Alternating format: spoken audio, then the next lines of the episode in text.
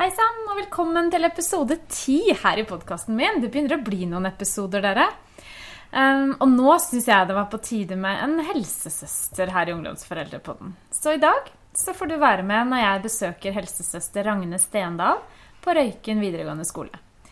Vi snakker om medikamentbruk hos ungdom. Vi snakker om stressmestring, for hun har nemlig startet opp stressmestringskurs for elevene, og det hørtes knallbra ut.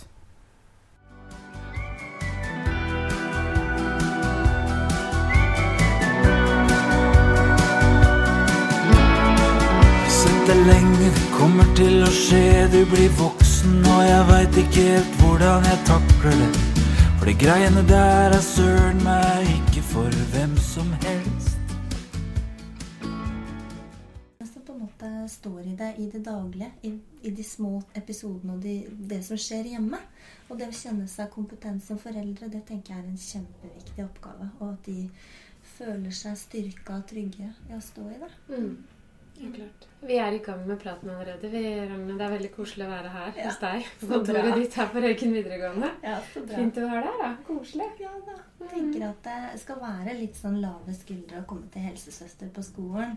Det er ikke så stort kontor, men, eh, men jeg tenker at det, det er viktig å være tilgjengelig ute i hverdagen der ungdommene er. At det er et sted de på en måte kan søke litt ly i hverdagen. Sånn, helt sånn lavterskel. For det det jeg ser, er at eh, hvis de opplever at det er veldig lang vei å finne noen i hjelpeapparatet, så detter de av litt underveis. Så det er jo det jeg brenner veldig for her på skolen. At det, at det skal være lett å nå en voksen som har tid og rom for å høre hvordan de egentlig har det. Mm. Mm. Finner de veien inn hit til kontoret ditt, eller er du, henger du liksom litt rundt der på skolen? Altså, Oppsøker de deg der, eller? Eh, ja, altså det er ikke sånn at jeg henger rundt i gangene til enhver tid. Jeg har jo en del faste oppgaver som jeg følger. I dag har jeg f.eks. vaksinert russen. Stort sett så er det jo at de, de Jeg er på kontoret mitt hver dag eh, og mellom ni og to. Og at de kommer enten selv, eller de blir henvist fra eh, læreren sin eller rådgiversystemet. Mm. Hvorfor kommer de hit til deg, ja? Ja, det er veldig forskjellig. Det kan være både smått og stort. Det er alt fra at de lurer på noe helt praktisk. Kanskje de trenger et bind, eller de lurer på noe om prevensjon. Eller mange lurer på Paracet. Det deler vi ikke ut eh, på skolen. Nei. Eh, for det, den Paracet-bruken den er ganske høy. Og det er noe med det at eh, ofte så ligger det andre ting bak. Så kan vi snakke litt om det. Men det meste av tida mi på når jeg snakker med elever, handler om psykisk helse. Hvordan det er å være dem i hverdagen. Og de kjenner på stress. Det kan være ting hjemme. Søvnproblemer. Ja, prestasjonsangst. Mange har også angst av de som kommer. Det er jo en del av livet. Og det å liksom deale med følelsene sine. Eh, det kan være så mye. Spiseforstyrrelser. Eh, ja, venninnegreier. Ja, Mm. i. Hei! Ja, se her. Ja. Så bra! Ja, se her. Her kommer varmeflaska. Jeg snakker akkurat om Paracet-bruk, du. Og mens Ragne legger varmeflaskene godt på plass i hylla si, så tenkte jeg at vi kunne se litt på statistikken. rett og slett gå litt til den. Hva sier den om forbruk av smertestillende medisiner hos eh, norsk ungdom? Ifølge Ungdataundersøkelsen så er det blant 15-16-åringer i Norge veldig høyt. Og det har steget betydelig siden 2001. En studie av norske ungdommer i 12-15-årsalderen viste at 17% var regelmessig plaget av hodepine, magesmerter, ryggsmerter eller smerter i armer og bein. Og hodepine er en av de vanligste fysiske plagene blant barn og unge. Og en stressende livsstil med krav og press kan være en av forklaringene på at ungdom rapporterer om hodepineplager, står det i Ungdata-rapporten for 2017. Og det var apropos det med Paracet-bruk. De kommer av vondt i magen, menssmerter. Og så finner man egentlig ut at det å ta en prat, kanskje tilby en varmeflaske, og så har vi et hvilerom rett utafor, og så på en måte løser det litt opp istedenfor en sånn kjapp Paracet. Og veldig ofte de som kommer og lurer på Paracet, de kanskje trenger å ta tak i noe. Og så får vi satt opp en avtale, og så begynner vi heller å snakke om det som ligger bak den vondten eller hodeplagen. Mange har ikke spist frokost den dagen, eller det er mye andre ting, eller man gruer seg for prøver. Ja, så får man en prat om det isteden. Mm. Og når medikamentbruken har gått så kraftig opp de siste årene, så handler det vel ikke bare om Paracet heller, tenker jeg. Og det er vel også en av grunnene, for jeg hadde litt behov for å rydde litt ordentlig opp i det. Og ta det opp med kommuneoverlegen og sånn. Hvordan skal vi forholde oss når elevene kommer og trenger Paracet? Og da var det veldig sånn klart svar både i Helsesøsterforbundet og hos eh, kommuneoverlegen at det, det skal vi ikke dele ut her på skolen. Og det er på en måte litt så greit å forholde seg til det, da. Og da lærer de at det fins andre måter å, å, møte de utfordringene på, da. Ja da. Til, uh, kanskje rett og slett litt hvile er det som skal til. At, vi, at man prøver litt andre ting først, og så ja. man til medikamenter etter hvert. Og så tenker jeg det er også noe med det er en fin øvelse å lytte til kroppen og kjenne litt på kroppens grenser. Men selvfølgelig, det er bra vi har medisiner, og noen ganger skal de brukes. Absolutt. Men det er liksom ja takk, begge deler. Og Jeg tenker det er en lang vei å gå det der å bli kjent med kroppen sin. Er jeg stressa nå? Det tenker jeg vi voksne også trenger å øve på. Kanskje jeg skal hvile litt istedenfor å presse meg enda litt lenger. Så, det, så, vi må jo prøve å gå foran med gode eksempler. Eller, ja. Mm. Det er sant. Mm. Dette som vi ser nå i media, Ragne, med Ungdataundersøkelsen og levekårsundersøkelser som viser at mange ungdom i Norge i dag strever. Mm. Ser du dette Tenker du at de tallene stemmer, de, eller? Ja, jeg tenker at de stemmer godt. Og det jeg også ser da med den Ungdataundersøkelsen, er at det er jo særlig jentene også som, som, sliter ekstra i forhold til psykisk helse. Guttene også. Og jeg tenker også i forhold til sosiale medier. At, de, at jenter i større grad enn guttene blir eh, tappa av det. Det tar energi. Eh, og jeg, jeg, opplever liksom det stresset. At det blir sånn krysspress fra så mange steder. For én ting er at det krever å gå på skole og videregående. Og det tenker jeg at det, det skal du på mange måter gjøre, men det er så mange ekstrakrav i tillegg til det som de legger på seg av forskjellige grunner. De skal ha jobb ved siden av, kanskje noen har flere jobber. Og det er jo litt det der som er et tema for tiden, det der med livet på utstilling, generasjon, prestasjon. Det er nesten kanskje at det har blitt litt sånn klisjé til slutt, men, men at det er noe i det. Jeg tror Altså det å være på hele tiden, det tror jeg virkelig gjør at man at det er en stor energilekkasje som ikke er godt for oss. Og da tror jeg man lettere blir deprimert, man lettere kjenner på angst. Altså, Man trenger ikke å kalle det deprimert. Jeg tenker på at man har det tungt, da. Mm. Og det ser jeg. At det er mange som er stressa. Og, og, det er jo en av grunnene til at vi Nå er vi to helsesøstre her. Jeg er her mest, og så er det en annen som er her eh, litt mindre enn meg. Men vi hadde lyst til å starte et sånt kurs. Stressmestringskurs. Så det, det, har tatt litt tid å, å jobbe ut det. Men, eh, men, nå i høst så hadde vi det for første gang. Ja, så spennende. Ja. Fortell litt om det. Ja, det kan jeg gjerne gjøre. Det, altså, vi, det, er klart det at vi er jo ikke de første i verden som har et sånt kurs, men vi lot oss liksom inspirere andre som har trådt opp litt veien før.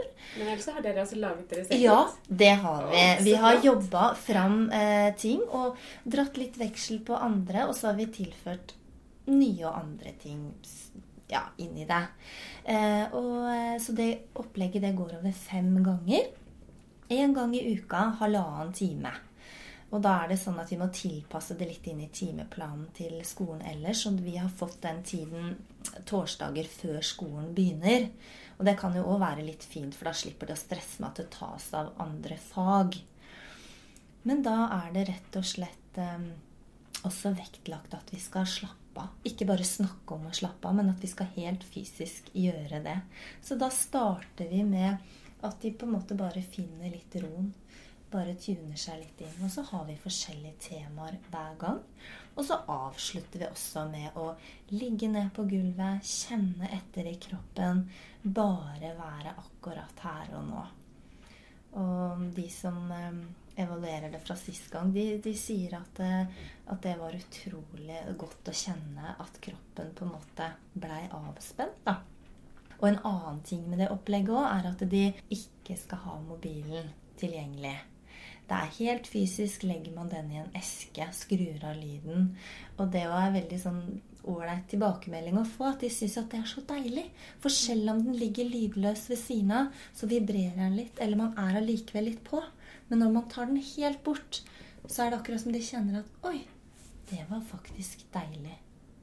Så de hviler litt først, og så har dere noen tema, sa du. Hva slags tema er det, og hvordan snakker dere sammen da? Eller, Ja, da har vi altså rett og slett lagd en sånn powerpoint-presentasjon. Og det er klart det er jo begrensa hvor ulikt tema fra gang til gang, for det handler jo om stressmestring.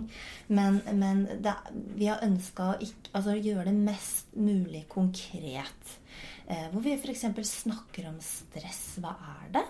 Og det er jo ikke alt stress som er dårlig. Noe stress er jo faktisk bra. Men det er det kroniske stresset. ikke sant? Det er ganske usunt for oss når vi ikke klarer å slappe av, når vi går i beredskap hele tiden. Så det er noe med hvordan alle disse tingene kjennes i kroppen. Og man, vi også snakker om det her med eh, alarmberedskap. Altså når, når virkelig sånn alarmberedskapet vårt trer inn, hvordan kjennes det ut? Eh, og, og hvor krevende det er for kroppen. Og hele tida når man trykker på alarmknappen, ikke sant? og det stresset og den angsten som kommer da. Og vi snakker også om eh, det her med viktigheten av å sette grenser, faktisk.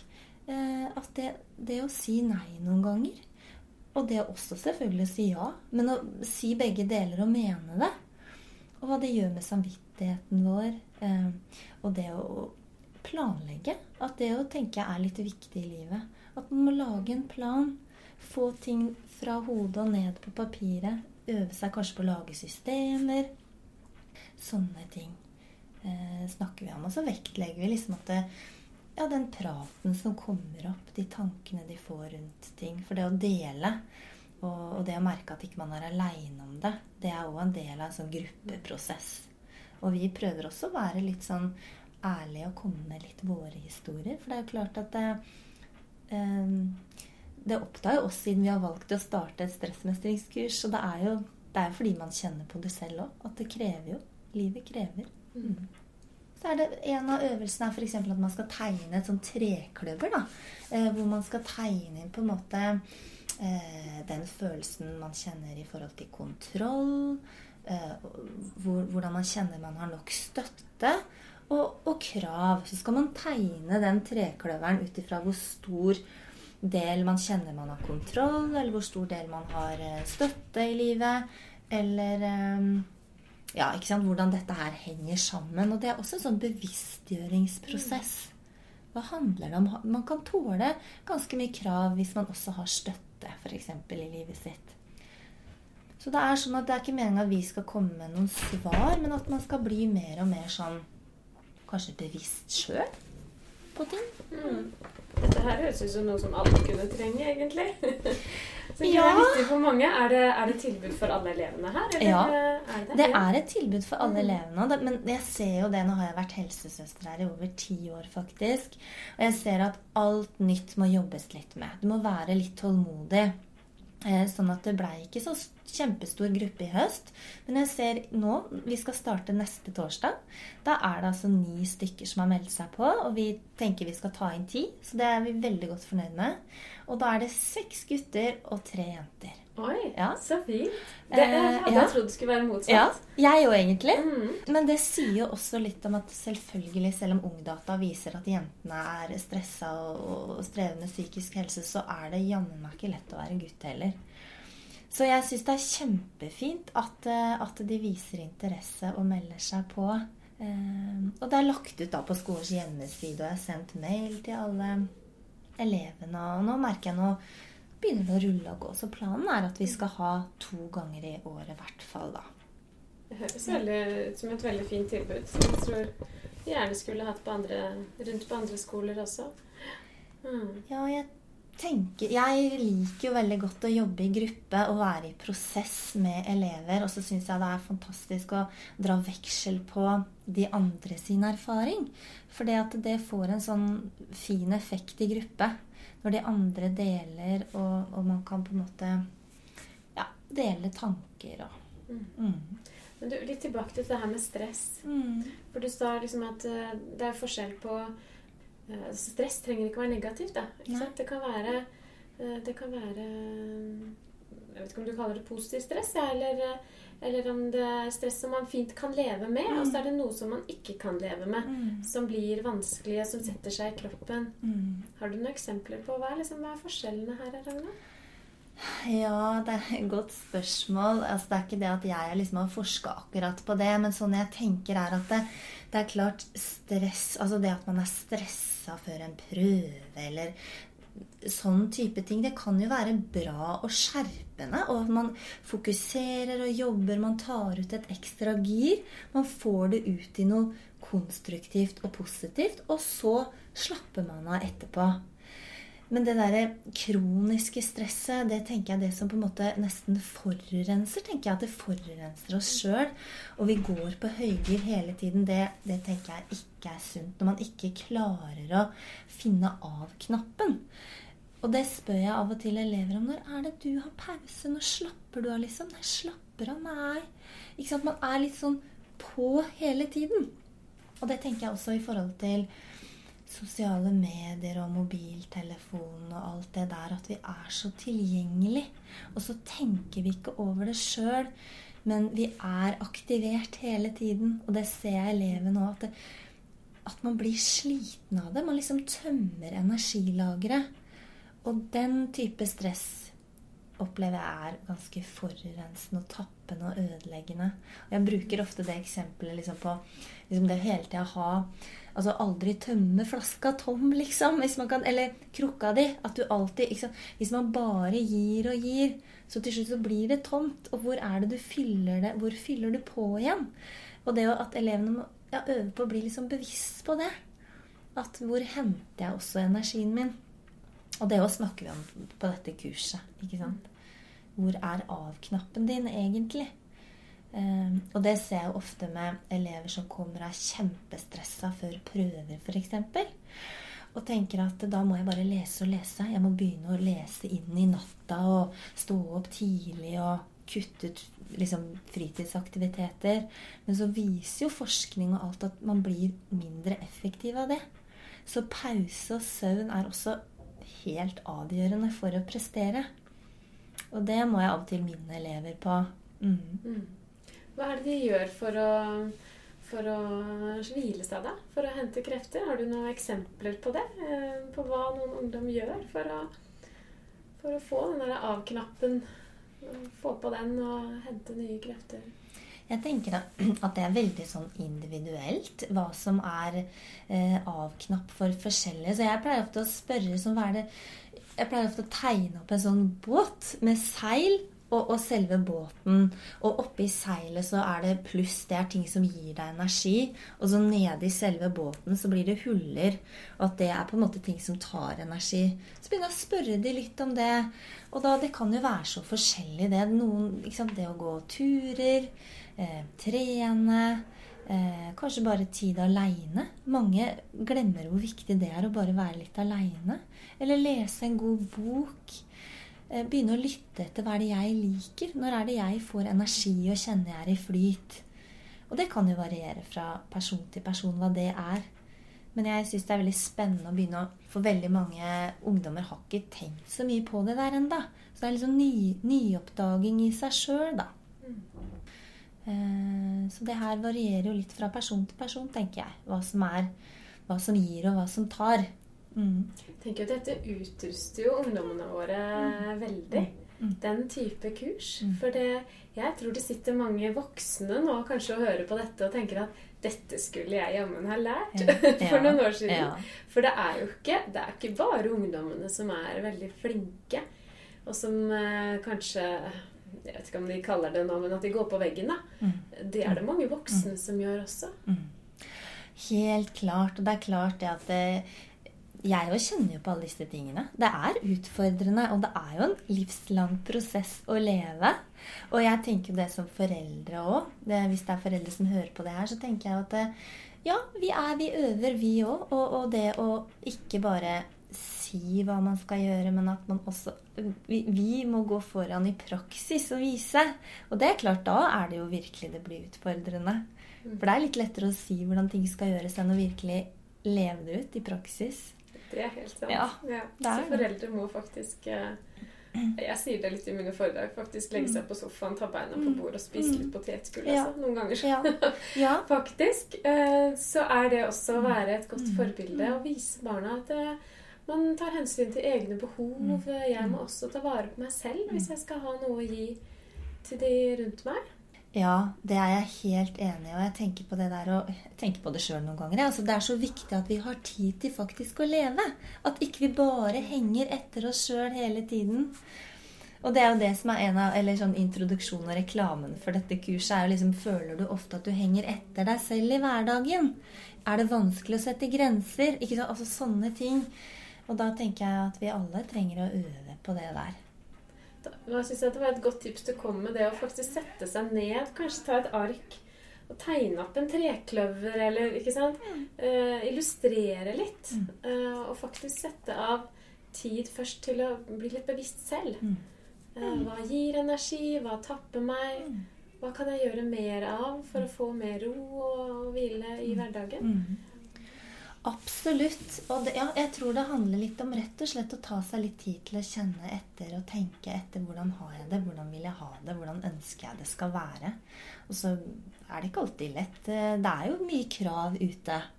Men allikevel ved å ha noen sånne enkle verktøy, og det er også tanken litt med det kurset at det, vi prøver å ikke være så svevende, men at vi har noen sånne konkrete verktøy. Og det er en sånn helt sånn konkret greie med å la Vi har en sånn ukesplan fra mandag til fredag. Hvor man rett og slett kan sette seg ned og lage en dagsplan. Og i den dagsplanen er det like viktig å legge inn pause som å legge inn leksetid eller fritidsaktiviteter eller For det, er den balansegangen. Det handler litt om. Da setter de opp hver sin, ikke sant? At ja. enhver lager sin egen. For jeg tenker jo at der er vi jo veldig forskjellige.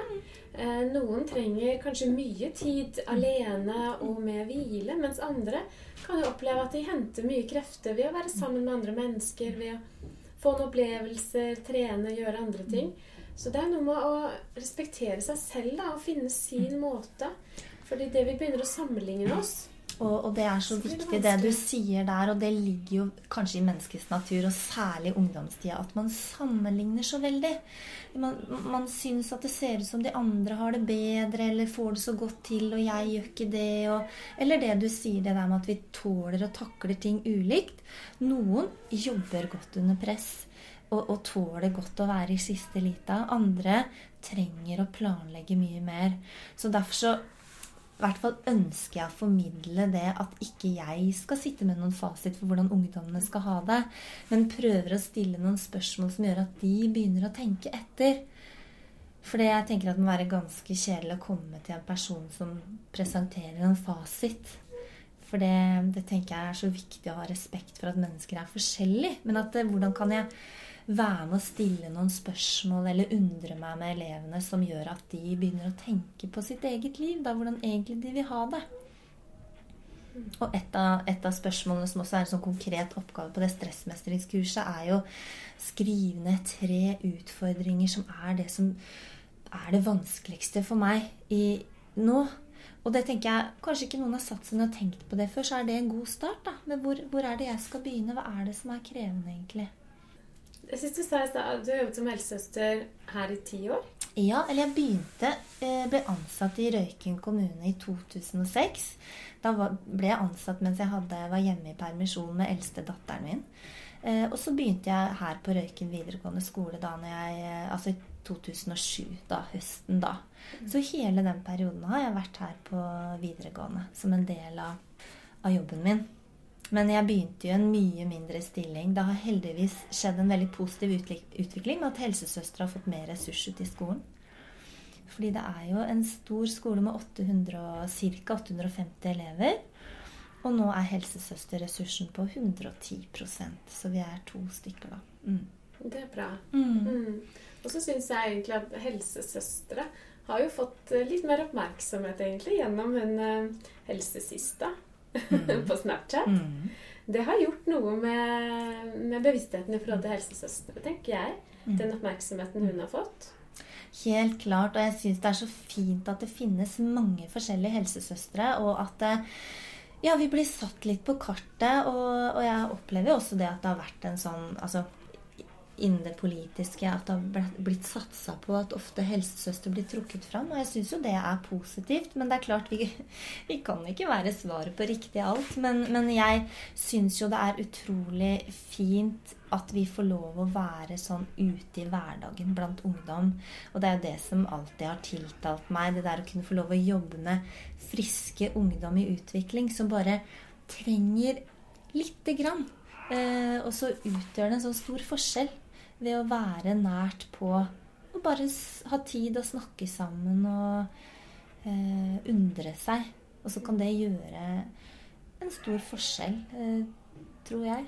Mm. Jeg er opptatt av foreldrerollen, mm. Eh, Ragne. Mm. Eh, og jeg tenker her på videregående, har du, har du, en del kontakt med foreldre? Eller er det stort sett bare ungdommen du snakker med? Mm. Det er fint du spør om det. For det er klart at det, altså, vi er jo helsesøstre både på barneskolen, på helsestasjon, ungdomsskolen og videregående. Og det er klart, de fleste på videregående er over 16. Eh, og så er det en del av de over 18. Så i mye større grad så får man samtykke fra eleven. Og det tenker jeg er så viktig å jobbe varsomt, så elevene føler seg trygge på at de kan stole på helsesøster. At jeg aldri går bak ryggen deres eller sånn. Men veldig ofte så, så kan jeg si til elevene vet det her hadde jo vært ålreit at mamma og pappa vet om. Og så Mange ganger syns de det er greit at jeg får ringe hjem. Andre ganger trenger man litt mer tid. Men jeg har eh, godt samarbeid med flere foreldre. Og av og til er det foreldre som ringer selv, som er bekymra for eh, ungdommen sin og trenger hjelp og lurer på hvordan man skal finne fram i systemet. Og ikke så sjelden da så hender det jeg lager avtale via den forelderen, og så kommer den eleven. Og andre ganger så kommer både eleven og foreldrene sammen til en prat. Så, men jeg, i større og større grad jo eldre de blir, jo mindre kanskje foreldrekontakt blir det jo naturlig nok. For de skal jo mer og mer ut av redet, da, disse ungdommene. Og øve seg på livet selv og bli mer og mer robuste. Mm. Og for mange så er det også godt å ha, ha noen andre enn foreldre å snakke med. Uh, I forhold til utfordringer de kan stå i. Mm. Det tenker jeg at mm. Der har dere en veldig viktig rolle. Uh, fordi foreldre er viktige. Det mener jo jeg er flott. Hvis, hvis barn og ungdom kan uh, ha en tett dialog med foreldre og men det er jo ikke alle som, som har det. Og, og, og, kanskje det uansett også kan være godt å lufte tanker og, og bekymringer med noen andre. Ja, jeg vil bare understreke i hvert fall det at foreldre ja, de er kjempeviktige. Og det er jo klart det er sikkert ikke alltid lett å, å være foreldre i tenåra. Man får jo ikke alltid så mye kred, kanskje. Og man, man, må stå i mye som foreldre. Men jeg bare tenker også bare minne foreldre på det at det er så viktig allikevel at vi orker å stå der. Og står der litt i vinden og tåler det litt. For at uh, ungdommene er bare under utvikling og tester ut og prøver å finne seg sjøl. Så ingen kan erstatte foreldre. Og, og, det er klart min rolle som helsesøster er jo sånn heiagjeng på sida som støtter ungdommene litt fram og prøver å finne seg sjøl og sortere litt i utfordringer og det de står i. Eh, og så er det mange som er liksom avklart med det at nei, det kan jeg ikke snakke med mamma om. Nei, det er godt å snakke med helsesøster om. Eller at, og jeg er jo ikke lærer heller. Sånn at det er fint at det er mange det er mange forskjellige rundt ungdom som kan fylle på med det, ja, det de har å fylle på med. For det trenger man. Mm. Man trenger gode støttepersoner i den perioden av livet, tenker jeg. For selv om de eh, etter hvert har lært å ta bussen selv og lage seg mat selv, så trenger de likevel mm. masse. De trenger tilstedeværende foreldre som tilbyr både nærhet og, og som fortsatt er der i det daglige, tenker jeg. Ja, det er så bra du minner på det, for det tenker jeg også er så viktig at det selv om ikke alltid ungdommen gir så uttrykk for at mamma og pappa setter så pris på dere det, ja, men, men, de gjør det. Eh, det er bare ikke så lett alltid for dem å si det, tror jeg. At, men det at den daglige omsorgen og det som skjer rundt middagsbordet og før og etter Altså ja, gjennom de vanlige aktivitetene, det er, det er viktig. Og det skal kanskje ikke alltid være så koselig. Det er ikke alltid det er så koselig i, hjemmet. Det er, ikke, det er, ikke, alltid det hjemme hos oss heller.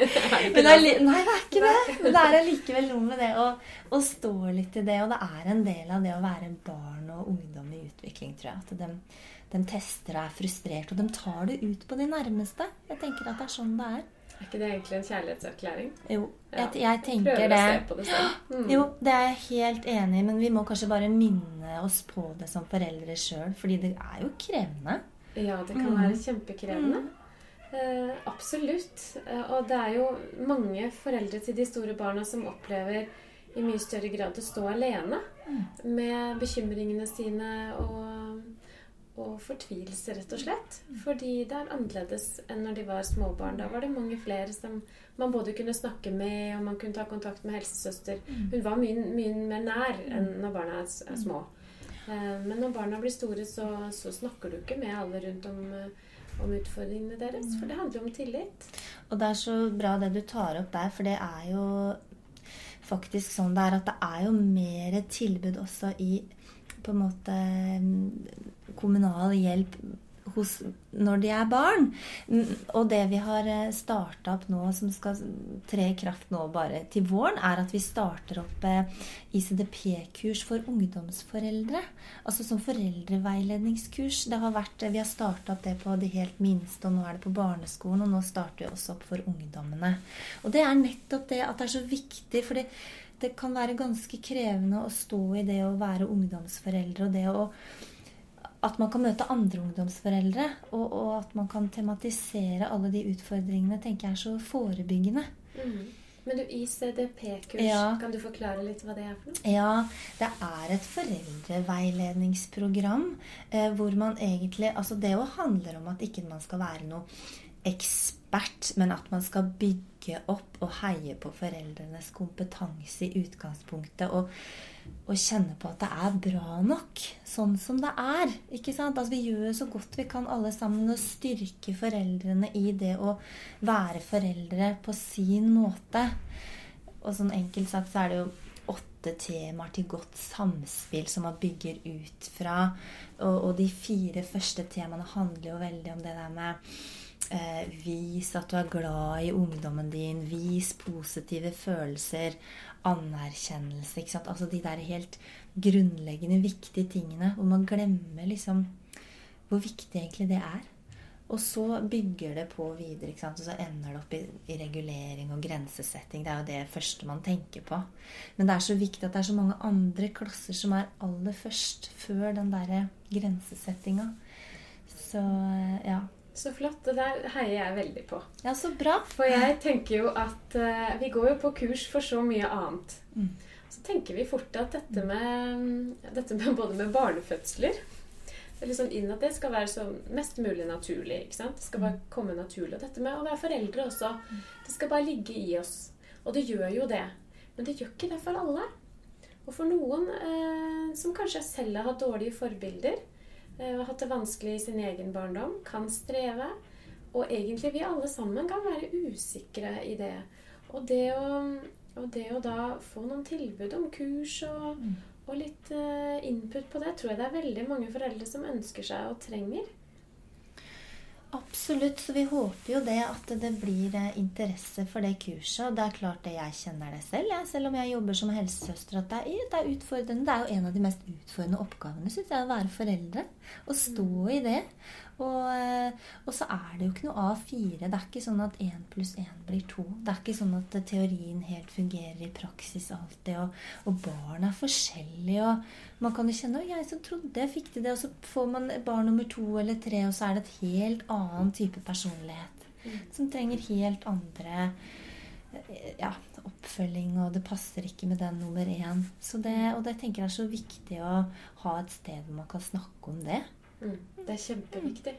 Og jeg tenker, hvorfor ikke investere litt i det som kanskje er den aller viktigste jobben din he hele livet? Mm. Så det er, det er det aller viktigste. For veldig mange så er det jo nettopp det, relasjonen til de aller nærmeste og til barna, er det som betyr mest i livet. Og så tenker jeg at det er viktig også å snakke om Apropos den derre generasjon, prestasjon og livet på utstilling. Og er, vi voksne er jo sånn Vi legger jo ut alt det fine og flotte og lykkelige ferieturer, og alt ser så shine ut, og mor er akkurat nybakst og Og så tenker jeg det er så viktig også å snakke litt sånn sant om det der med alt som skjer hjemme. Det er liksom Man er sliten og krangler litt og og ungdommene tester også, eller barna generelt. Og det er Ja, det er, det, sånn er det litt. Enten man er eh, man kjenner på disse tingene, enten man er psykolog eller helsesøster eller lærer eller hva det enn er, så er det, er det utfordringer. Og, og, det tror jeg letter litt når man kan møte andre i en sånn gruppe. 'Å, gud, det er flere som kjenner på det. Du, det var jammen bra.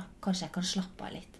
Det er godt nok.' Mm. Og jeg tror det er så viktig å formidle bare at man er glad i barna sine og viser det man vil virkelig. og og det er jo fullt mulig å si du, 'Unnskyld, vet du hva, jeg var så sliten.' Nå, ja, ikke sant? Og så mm. begynner man litt på nytt igjen. Ja, Det er kjempeviktig ja. at foreldre også kan si, mm. faktisk kan si unnskyld. Og kan mm. si at uh, vi også gjør, vi kan gjøre dumme ting. Vi kan si dumme ting.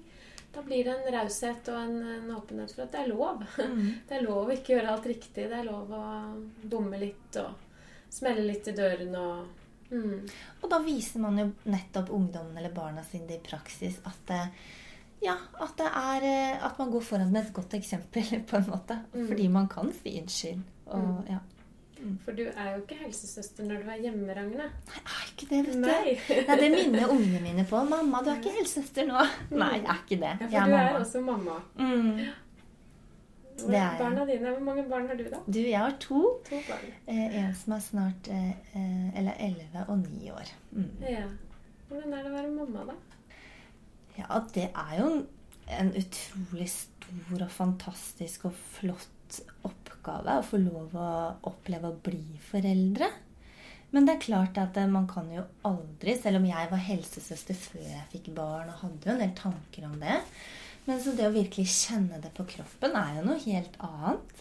Og jeg jeg opplever ikke at man blir sånn høy på pæra av å være foreldre. Er, man blir jo ganske sånn mørna i den rollen òg. ja. ja. Man blir satt på plass, og man, man møter seg sjøl også i døra. Men det er jo helt nydelig å få lov å følge noen mennesker sånn tett på i, i utviklinga, i å være menneske. Mm. Kan du si noe om hva som, har, hva som har vært viktig for deg som mamma? da? Kan du trekke fram noe som du har liksom tatt med deg Du sa at du var helsesøster før du fikk barn.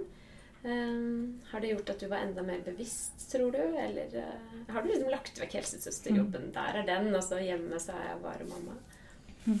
Ja, hva skal jeg Altså, eh, jeg jobba jo med det helt minste også i starten før jeg fikk barn. Og det er klart jeg var veldig sånn opptatt av det der med amming og rutiner og alt det der faste der som jeg hadde litt med meg også inn som mor. Nå er det lenge siden jeg jobba med de minste. men men ja, hva jeg har med meg Det jeg i hvert fall kjenner som sitter så langt inn i ryggmargen min, som det jeg ønsker å formidle til ungene mine, er at, det, at de skal kjenne på at det er riktig å være dem. At det er plass til dem å heie på dem. At de skal kjenne seg elska, og at jeg ønsker å formidle at jeg rommer dem og tåler dem.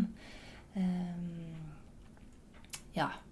Det der at, det, at ikke ikke de skal kjenne nettopp på det der sammenligning. For det er så sterke krefter.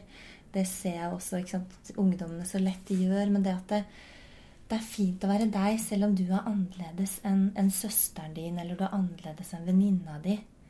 Altså En sånn trygghet i det, det, det ligger nok veldig sånn sterkt på meg at jeg ønsker å formidle, på en måte. Mm. Og så i det også tenker jeg at at, de trenger en porsjon grenser òg. Jeg er jo litt opptatt av det òg. De tester jo helt fra de er små. Så det å, å, stå litt i de der grensene tror jeg også at man har igjen for. da. Ja, For ni og 11 år, da er barna dine sånn snart på vei inn i tenårene? Ja, da eldste mm. vil jeg si galopperer langt inn i puberteten.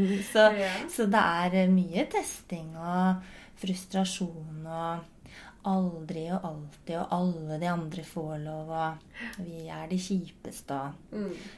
Ja, så man skal stå litt i det og kjenne litt på det. Og så blir man jo utfordra som par òg.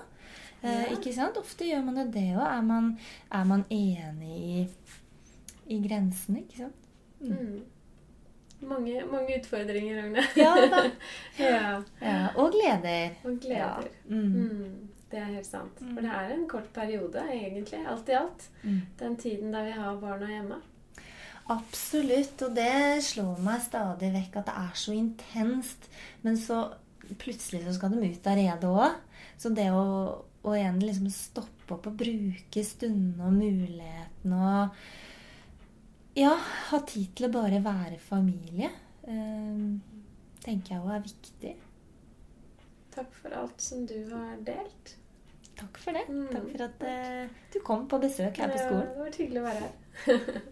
Om jeg kunne gjøre deg skuddsikker Gjøre sånn at dritten bare preller av er dessverre bare meg bare Og hvis du likte dagens episode, så gå gjerne inn og gi den noen stjerner på iTunes.